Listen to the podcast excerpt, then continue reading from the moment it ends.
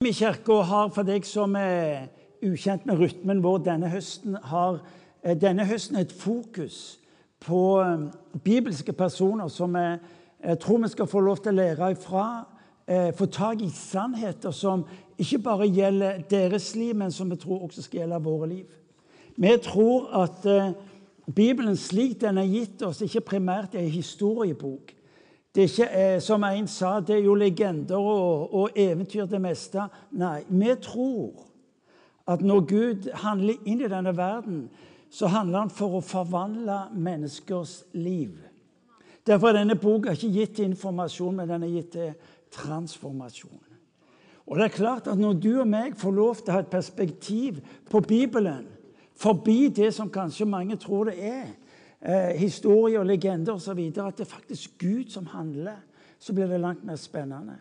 I min kirke eksisterer ikke for å drive med religiøse aktiviteter. I min kirke har en bekjennelse av at vi tror Gud har steget ned midt iblant oss for å virkeliggjøre sitt rike mellom oss. Og det får du og meg lov til å enten være en del av eller nærme seg. Så velkommen er du til å være med denne høsten videre. Nå har vi eh, vært innom en som heter Josva. I dag begynner vi med en ung mann som heter Daniel. Vi leser om han på side 993 i den ene Bibelen. Og det første jeg vil det første jeg vil du skal få tak i, det er at når Gud handler inn i denne verden, så bruker han vanlige mennesker. En gang til.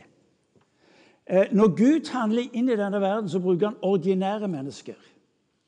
Det er ikke slik at de menneskene som du leser om i Bibelen, er sånn superstars.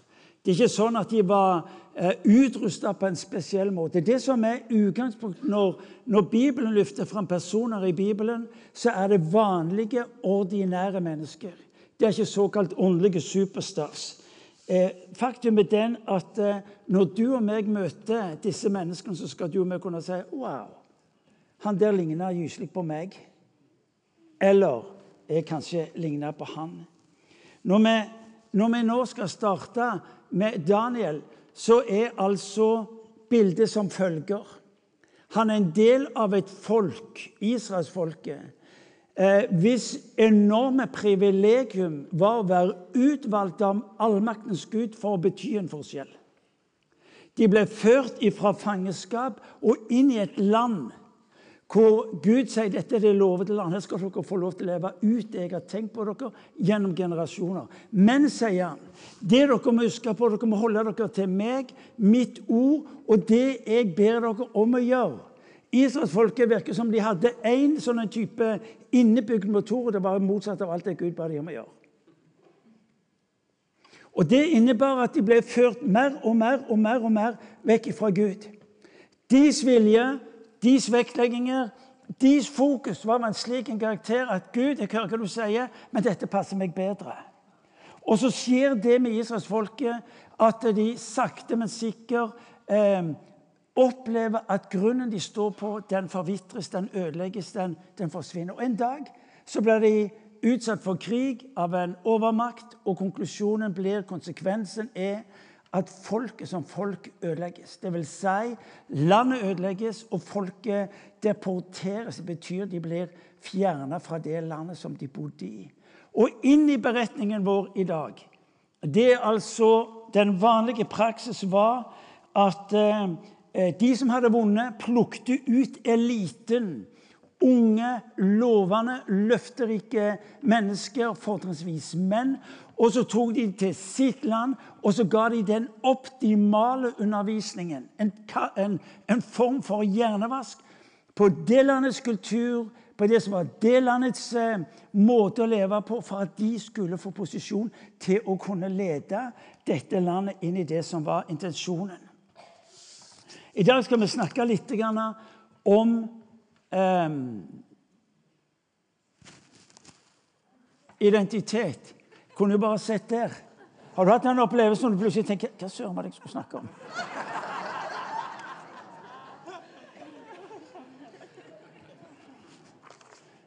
Jeg har heldigvis skrevet det ned, så jeg skal holde meg nesten til, til, til, til manuset. Det du oppdager når du hører om en Josva fra tidligere søndager og en Daniel i dag, det er at identiteten, den forståelsen de har av seg sjøl, er helt avgjørende. Det er så interessant å legge merke til at identitet det sier noe om selvbilde, selvforståelse. Det sier noe om hvem jeg skal få lov til å være og vokse som.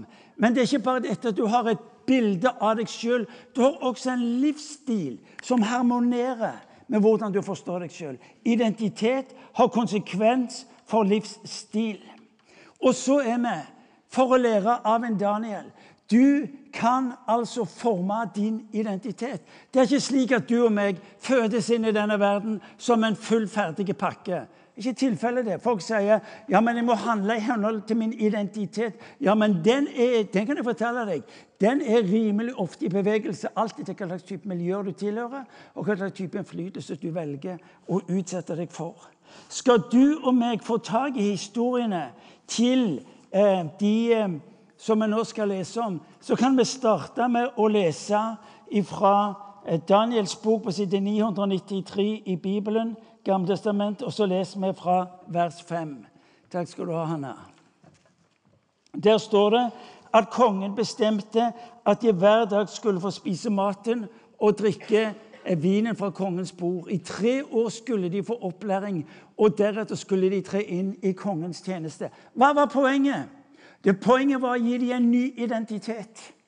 Poenget var å ta fra dem det de hadde med seg fra eh, det gamle livet, fra sin jødiske tradisjon, og så skulle de nå få en ny identitet. Det var poenget. De skulle altså utsettes for en innflytelse som ville altså forandre dem.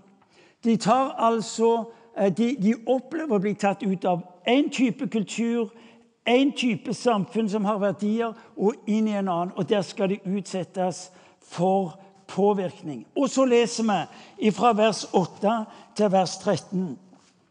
Der har du teksten. Og Der leser vi Daniel bestemte seg for at han ikke ville gjøre seg uren med maten og vinen fra kongens bord. Han ba hoffsjefen om å få slippe å gjøre seg uren. Gud lot hoffsjefen få godhet og velvilje for Daniel.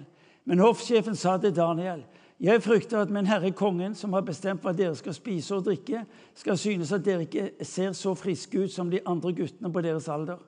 Og da har dere satt livet mitt i fare hos kongen.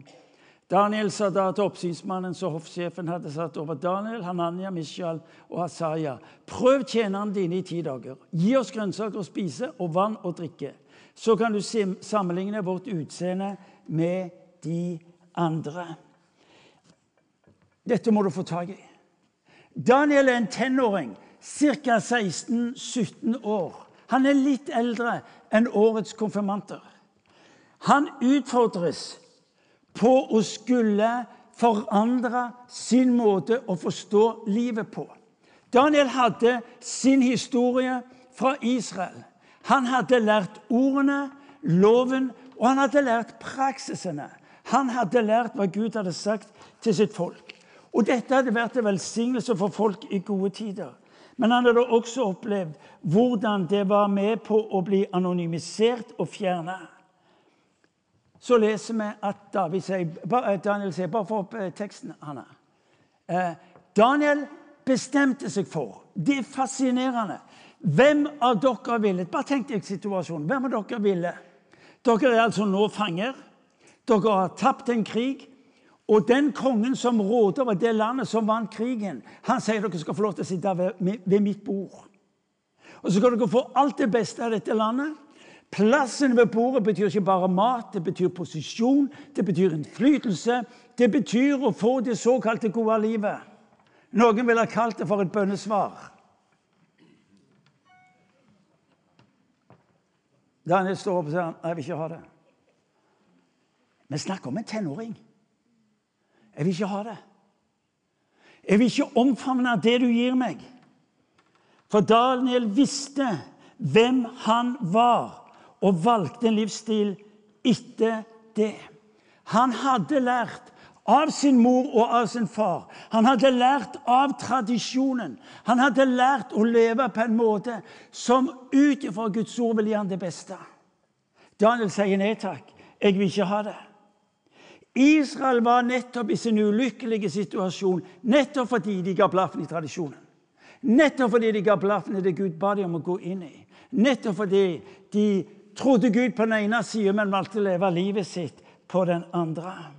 Det som var israelsfolkets store tragedie, det var at de valgte å ta opp i seg livet fra omgivelsene. De ble tilpassa, og så ble de anonyme, og de ble anonymisert. Det er godt sagt. Ja.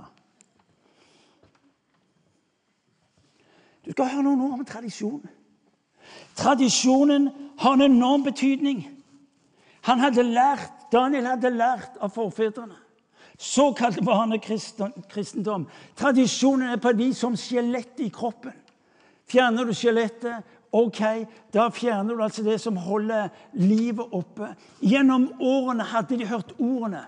Gjennom årene hadde de erfaringene. Gjennom årene hadde de lært at Gud var nærværende virkelighet. Tradisjon, folkens. Ikke forakt tradisjon. Ikke se ned på tradisjonen. Fordi tradisjonen er som skjelettet i kirka. Du får ikke øye på det. Men jeg skal fortelle deg, det, det ramler sammen det meste når skjelettet eh, forsvinner. Er du med meg? Ja, noen av dere. Ikke forakt tradisjonen. Den kristne tradisjonen, Bibel og liv, trosbekjennelse Når vi bekjenner innledningsvis på nattverden, trosbekjennelsen, så er det noe som er forma og formulert fordi det hadde med liv å gjøre gjennom generasjoner. Du og meg står på føttene til mennesker som har gått foran oss. Du og meg får lov til å være en del av en historie som ikke starter med oss, men som starter før oss, og som skal fortsette etter oss. Tradisjonen sier så mye om den store historien. Og så er det et faktum å få tak i dette òg. Det er forresten noe jeg sier mye til dere som er nye her. Få tak i dette, sier jeg. Dette er viktig, osv. Og, og det er fordi at nesten alt er like viktig. Nesten alt er like viktig, ja. Ungene i Israel, barna og ungdommene, de lærte tidlig å forholde seg til loven. Ja, de kunne loven. De kunne Skriftene utenat før de var tolv år. De lærte å leve i forholdet mellom loven, ordet, og synagogen, tempelet. Det var denne her vekselsvirkningen. Og så var det noe som ble en del av kulturen deres. Og så leser du bl.a. om mesteren Jesus Kristus, hvor det står av sedvane gikk han i synagogen. Det var noe som gjennom generasjoner var blitt en del av folket. Vet du hva? Det var rytmen i livet deres. De definerte livet sitt ut fra møtepunktet som Gud hadde gitt dem med ordet, som han hadde gitt dem med møteplassen. I den jødiske kulturen var livet definert i forholdet til loven og til synagogene. Hvorfor i all verden driver vi med barne- og ungdomsarbeid i IMI? Hvorfor i all verden er vi opptatt med konfirmasjonsarbeidet? Jo, fordi vi ønsker at ungdommene våre skal få det beste. Vi ønsker at ungdommene våre skal erfare at himmelen ikke blir en teoretisk virkelighet der oppe, men det er nærværende erfaring her nede. Vi tror at kirka sin tradisjon er noe mer enn religiøse eventyr. Vi tror at Gud er en nærværende virkelighet. Kjære Gud, hvis ikke det var greia, hva er det verden holder på med i meg? Men hvis Gud lever, hvis Gud lever, hvordan kan vi la være å ta ham på alvor med alt det det representerer? Det er noe der. Det er noe der. Hva er det vi ønsker å gjøre? Det er dere foreldre. Vi ønsker å bygge identitet inni dem. Vi ønsker å bygge en identitet som gir dem et bilde av hvem de er. Hva de forstår, hva de er en del av, og hva de kan representere i denne verden. En gang til. Vi ønsker gjennom dette året å gi dem en identitet vi ønsker å se en identitet vokse fram i trygghet, med en forventning som tar utgangspunkt i hvem de er, hva de kan bli, og hva de kan få lov til å bety av forskjell i denne verden. Vi ønsker at denne gjengen som sitter her framme, konfirmanter, ikke blir kylling. Er du med? Ikke blir sånn en som bare nikker. Men det, det, det er altså død fisk som renner med strømmen.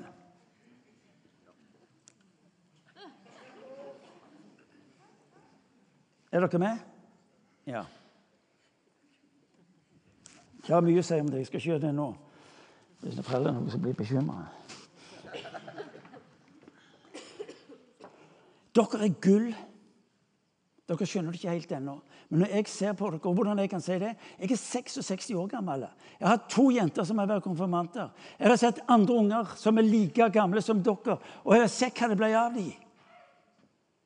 Jeg har sett de som fikk bety en forskjell, og så så jeg de som bare pingla med. Vet du hva? Vi håper at dette året skal gi dere mot på hver din, den og de dere er skapt til å være, til å bety en forskjell. Og vi har erfart at vi kan ikke tenke oss noe sterkere enn at Gud får lov til å demonstrere hvem han vil være i ditt liv. Det er dette Daniel henter fram i vanskelige tider, når kongen sier jeg vil du skal sitte ved mitt bord. Poenget er jo ikke maten. Poenget er jo ikke at han ikke kan spise det. Det var ikke poenget. Dette med, med bordet er symbolsk. Men her skal du legge merke til, og det er uhyre viktig å få tak i det, dette òg. Når Daniel sitter ved dette bordet, så står tilbudene i kø for ham. Han kan få alt det han drømmer om. Men Daniel velger mot fornuften. Han velger mot omstendighetene. Det sitter bokstavelig talt i ryggraden hans. Mange vil ha det Gud lover oss. De leser Bibelen, det de leser i Bibelen, og de ser et hav av løfter. Men folk vil ikke velge. Daniel velger. 17-åringen velger. Jeg syns det er så fascinerende. Vi lever i en tid hvor folk ikke vil velge. De vil holde mulighetene åpne. For det kan jo være Nei. Hør nå, konfirmanter og foreldre. Det som prega tradisjonen i den jødiske kulturen, det var regelmessigheten. Hver sabbat gikk de i synagogen for å høre hva Gud talte inn i livet deres, for at det skulle ha konsekvenser i hverdagen. La, la sabbaten, la søndagen få lov til å bli vet Der skal jeg være. For konfirmantene på de møtetidspunktene som de har. Men dere som foreldre, hver søndag fra 11 eh, fra 11 til 6, men så lenge var det ikke. Men klokka 11 og klokka 18 er det gudstjeneste. Ja, men så vær her! La det bli et sted hvor Gud får lov til å berøre livet ditt. Våg dette året. Dette er en invitasjon til foreldre. Våg å gå sammen med konfirmantene ved at du sjøl våger å la deg utsette for Guds ord i denne tida. Fordi at han ønsker å tale inn i ditt liv. Eh, dere har valgt. Daniel valgte. Hva betyr det å velge i en bibelsk kontekst? Jo, det betyr å sette seg i posisjon. Valg er å sette seg i posisjon for Guds inngripen. Det er òg egentlig gyselig godt sagt. Ja. Vi tror at ja, nå er det meg som velger. Nei, Vitnesbyrdet om Daniel at når han velger å gå for det Gud har foran, så står det at Gud ga visdom. Gud ga favør. Gud åpna dør. Daniel valgte. Ikke fordi han hadde bedt lenge om det, fordi, og dette må du få tak i Du skjønner at Når identiteten din får lov til å være hos Gud, så slipper du å be Gud om alle ting. Det er noen som sier ja, men jeg ber Gud om alt. Og jeg tenkte, ja, Det virker litt umodent. Altså Hvis mine døtre som nå er 30 år, kom til meg og ber meg om alle ting, så ville jeg ha tenkt at nå er det på tide du tenker litt sjøl, og så handler du på grunnlag av det.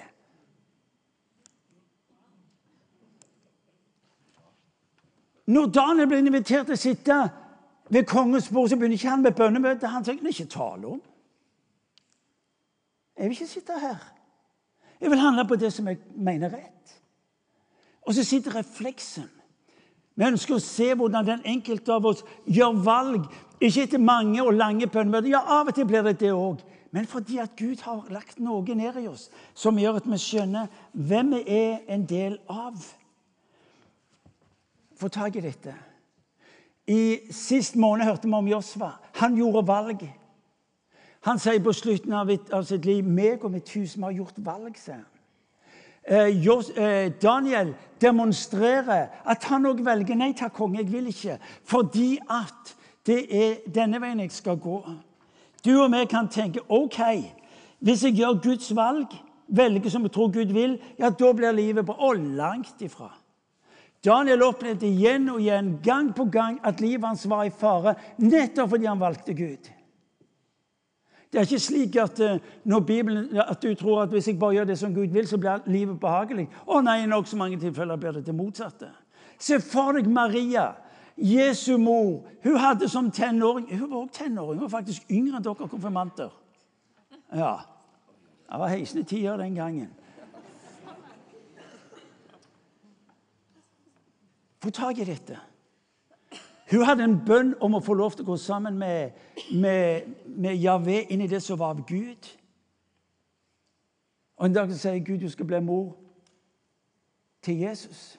Og vi ville tro for et bønnesvar. Nei, det skal jeg fortelle deg, at Da begynte bokstavelig talt helvete for Maria. Ingen forsto det. Ingen omfavna det hun sa. Ingen heia på henne og sa du, du er sannelig en tro datter av den levende Gud. Det ble et mareritt. Vi må ta det med omkostningene. Daniel visste at i det øyeblikket han sa vet du hva, konge, jeg skjønner hva du vil opp til, jeg forstår det godt, jeg vet, jeg vet at du vil det positivt, men jeg kan ikke. Jeg vil ikke være en del av den historien. Du og meg skal altså få lov til å være en del av det Gud gjør inn i denne verden. Men tror du ikke at det betyr at nå er alt bare nedoverbakke, solskinn og medvind langt ifra. Når Imi kirke, Noen av dere kjenner jo til det. Når Imi kirke eh, gjennom flere år har vært litt omdiskutert Vi skjønner ikke hvorfor vi er omdiskutert, eh, heldigvis.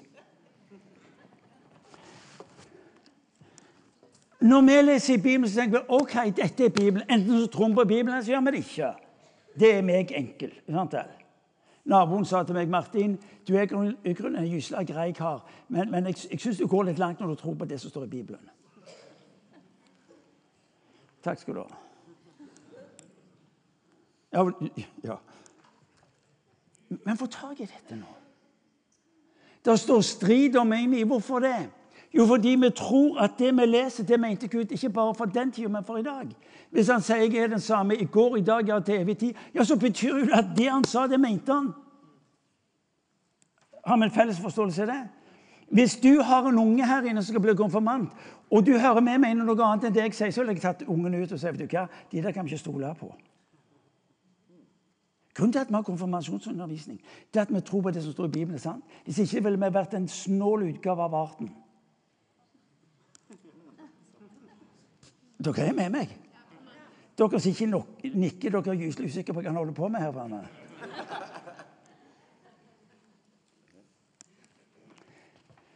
Når vi fikk så ørene flagra fordi vi hadde helbredelsesrom Det ble annonsert at Imi kirke hadde helbredelsesrom.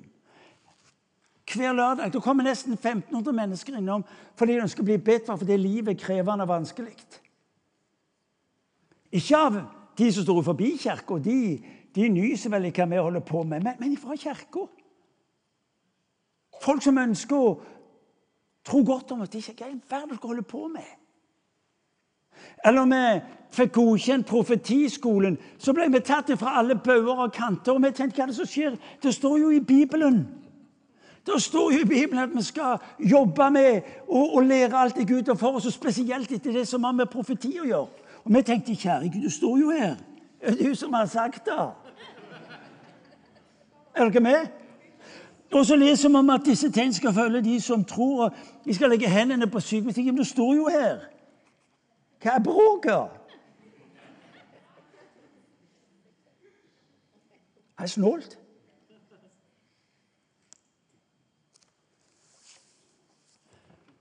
Du er ikke garantert at det er fredstilstander når du velger med det som Gud har for deg og tar deg inn i. Når du ønsker å stå for rettferdighet. Arne som sitter her nede, som har sagt jeg kan ikke akseptere at mennesker behandles på denne måten.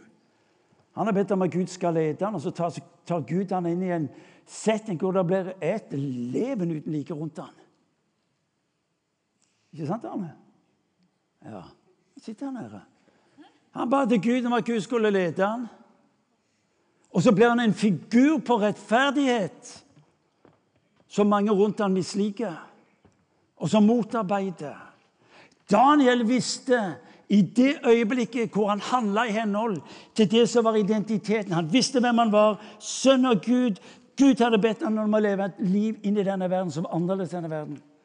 I det øyeblikket brøt levende løst. Daniel velger ut ifra identitet. Kan ikke gjøre det. Sønn av Gud er ikke tale om. Og du og meg utfordres på det samme. Maten, sa jeg, er symbolet for liv og livsstil. Eh, han sier nei fordi at troen på hvem han er, er sterkere enn det omgivelsene vil definere han å være. Han er trygg på Herrens løfte, fordi gjennom tradisjonen har han lært å stole på en Gud som holder ord, og som er nær han i de vanskelige og krevende tider. Gjennom tradisjonen har han lært at han har det han trenger for å utfordre omgivelsene. Og si nei takk, vet du hva, dette går ikke. Jeg kan ikke. Og så vågte han å søke Herren lenge nok til han fikk det han trengte for å bety denne forskjellen. Du og meg utfordres på akkurat det samme. folkens. Enten det er tenåringene våre som skal vokse i et liv, eller det er oss som er litt eldre. Vi utfordres på den maten vi tilbys for det gode og suksessrike livet. Det er ikke nødvendigvis feil, det vi tilbys, men det er bare det tar plassen for det viktigste i livet vårt. Jeg har ikke tid, det passer ikke inn, det går ikke i hop. Mange av dere som er barneforeldre, dere har et himla kjør. Og utfordringen for dere er hvordan, skal vi klare å nå overalt og samtidig gi ungene våre det beste. Ja, jeg er klar over at dere har et gysla kjør. Men vet du hva? hvis ikke dere våger valg dere må våge valgene, også de upopulære valgene. Hvor dere ser, vet du hva? Vi har ett fokus. Det er ett sentrum for vår familie i tida som kommer, og det er ungene våre. Det er ungdommene våre. Vet du hva? De har du til forvaltningen en periode, og så vet du at det kommer en tid hvor du ikke lenger har den hjelpen eller den innflytelsen på dem. Ja, er det lettvint sagt? Ja, jeg vet det er lettvint sagt. For jeg vet at noen av dere har et råkjør på å skulle kunne klare å nå overalt som krever ungene deres. Men hør nå. Irene og meg, da vi, og jeg er klar over at det er jo 30 år siden Nei, 3, ikke 30 år siden, men 3-10 år siden. Jeg er klar over 30 år siden. Det ble husla lenge siden. 30 år siden. Men også vi ble utfordra på en måte å gjøre valg i forhold til ungene våre. Hvis vi ønsker at de skulle få lov til å være sentrum. Du har ungene til forvaltning en periode. Og du er utrolig privilegert. Men hør nå. Eh, ikke skusle det bort ved at du ikke vågte å gjøre valg som i noen miljøer vil kunne oppleves som eh, utfordrende. Og jeg vet at dere som er kristne og vil være Jesus' etterfølgere, jeg vet dere har ett ønske til å være med og bety denne forskjellen. Men du er ikke i stand til å si et helhjerta ja om du ikke også er i stand til å si et helhjerta nei. Du skal slippe å gå rundt av en dårlig samvittighet fordi du ikke kan si ja til alle, absolutt alle henvendelser, forventninger og krav fra omgivelsene dine. Er dere med? Jeg skjønner at det er ikke lett, men la meg, la meg få lov til å gi bare inn ett ting. Gjør ungene til sentrum. Er perspektivet jeg ønsker å se deres identitet bli bygd opp på en slik en måte at de blir denne Kristus-forandreren i denne verden. Og så får dere leve med det dere ikke når over. OK? Ja. Jeg skal begynne å slutte, som de sier i enkelte miljøer. Når jeg sier at du er satt rundt et bord, så skal du vite Min erfaring er at når du og meg setter oss ned ved det rette bordet, så får du det andre i tillegg. Hvis du forsøker å sitte ved en hel haug forskjellige bord, så går ikke det i hop. Hvis du setter deg ved det rette bord. Matteus sier noe om det i evangeliet, og at søk først Guds rike, så får du det andre i tillegg. Du og meg må våge å lande i ordet som sier at når vi starter med Han, med det som skal være vårt fokus i familien, så får jeg det andre i tillegg. Du inviteres til kompromisser. Bibelen sier 'søk meg'. Daniel sier 'jeg vil ikke gjøre meg urein'. Det står kamp om hvem han er. Det er det samme med deg. Det er naivt å tro at det ikke er noe som ønsker å utfordre deg, ta deg inn i, ta deg ut av. Det står om en god venn av apostelen Paulus, Demas. Du leser om han i 2. Timoteus kapittel 4. Det står at han fikk kjærlighet til den nåværende verden. Han gjorde ikke noe galt. Han ble bare distrahert. Han fikk et annet fokus for livet. Og så var det han hadde, det mista han. Paulus sier han forlot meg. Du og meg utfordres hver dag. Du og jeg er gitt en ny identitet i Kristus Jesus. Du og meg er kalt til å bli likedanna med hans bilde. For et perspektiv. Du og meg som foreldre, som ledere for konfirmasjonsarbeidet vårt, hvor vi måtte være henne, så lyder det på deg, ditt liv og mitt liv. Mitt mål er å se ditt liv likedanna med mitt. Det vil si kulturen, verdiene, identiteten.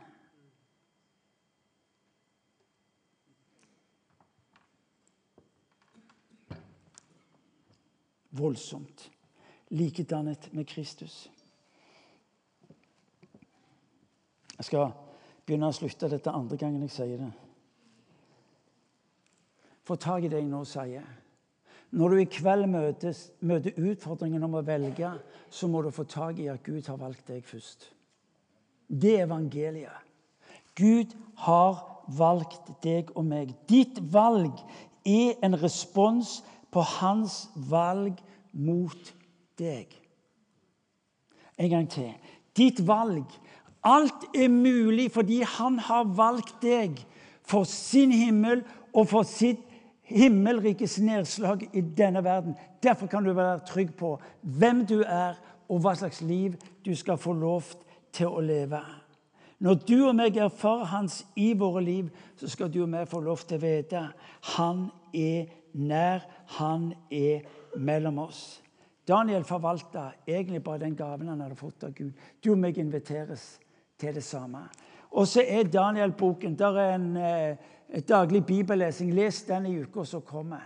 Det er en daglig bibellesing om hvordan Daniel forholdt seg til, på basis av hvem han forsto han var, hvordan han skulle møte de ulike situasjonene. Daniel ba ikke om å bli, frifunnet eller tatt ut av det vanskelige.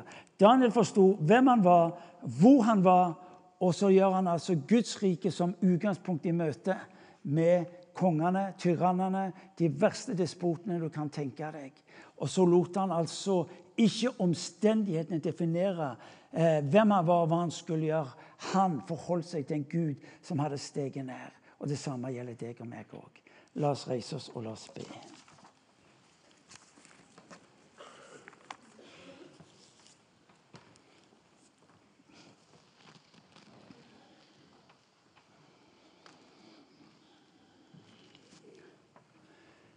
Til dere konfirmanter. Gud har en utrolig flott plan og hensikt med deres liv. Eh, dere er på mange måter og sagt på alle måter ved begynnelsen av noe som, som gir dere en større bevissthet på hvem Gud ønsker å være i deres liv. Til oss som er voksne, som er foreldre eller foresatte til disse konfirmantene våre. Gud ønsker å fortsette på det han har begynt i ditt liv. Eller kanskje du har mista det. Kanskje var det noe som forsvant da du var ferdig med din konfirmasjonstid. Så er vitnesbyrdet Gud er ekspert på å begynne på nytt. Gud er ekspert på å starte på nytt i ditt liv og i mitt liv for å ta oss inn i det som er av Han. Og det er vanvittig sterkt eh, når evangeliet deler med oss igjen og igjen. Du får ikke så du fortjener. Du får som Han elsker. Og han elsker deg og meg så sterkt at det som er din historie, er ikke kraftig nok til å redusere betydningen av hans kjærlighet for oss. Det er sterkt. Det er sterkt. Det er så sterkt at man kan nesten få litt grann, eh, piano på.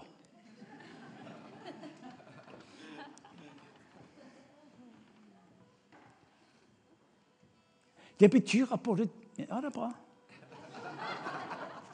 Jeg har sett noen amerikanske predikanter gjøre sånn, så tenkte Nei.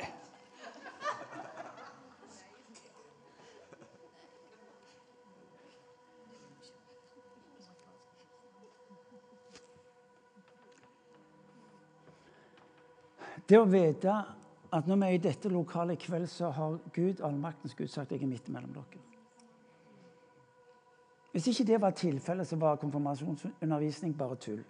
Så var vår gudstjeneste bare religiøs sprøyt. Men vissheten om at han er mellom oss som den som elsker, og som lengter etter å fullføre i ditt og mitt liv, gjør denne samling for oss alle sammen vanvittig sterk. For det betyr at når du og vi går herifra, så går vi herfra med en bevissthet om en Gud som har lovt å gå foran oss ut i hverdagen. Du må bare stå på.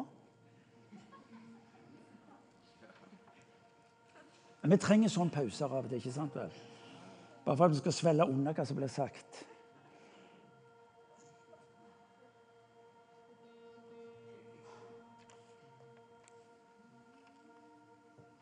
Gud har valgt deg for at du skal velge ham. Han har valgt det på en slik måte at han rydder vekk på korset alt som hindrer for at du skal få fellesskap med han, gjenopprette det som var ødelagt. Enten det var ved tidlig eller om det var ved sen begynnelse av ditt liv. Og så kaller han deg til å velge seg i møte med omgivelsene i denne verden. Og min tese er at de fleste mennesker på denne kloden vil velge Kristus hvis de får øye på han.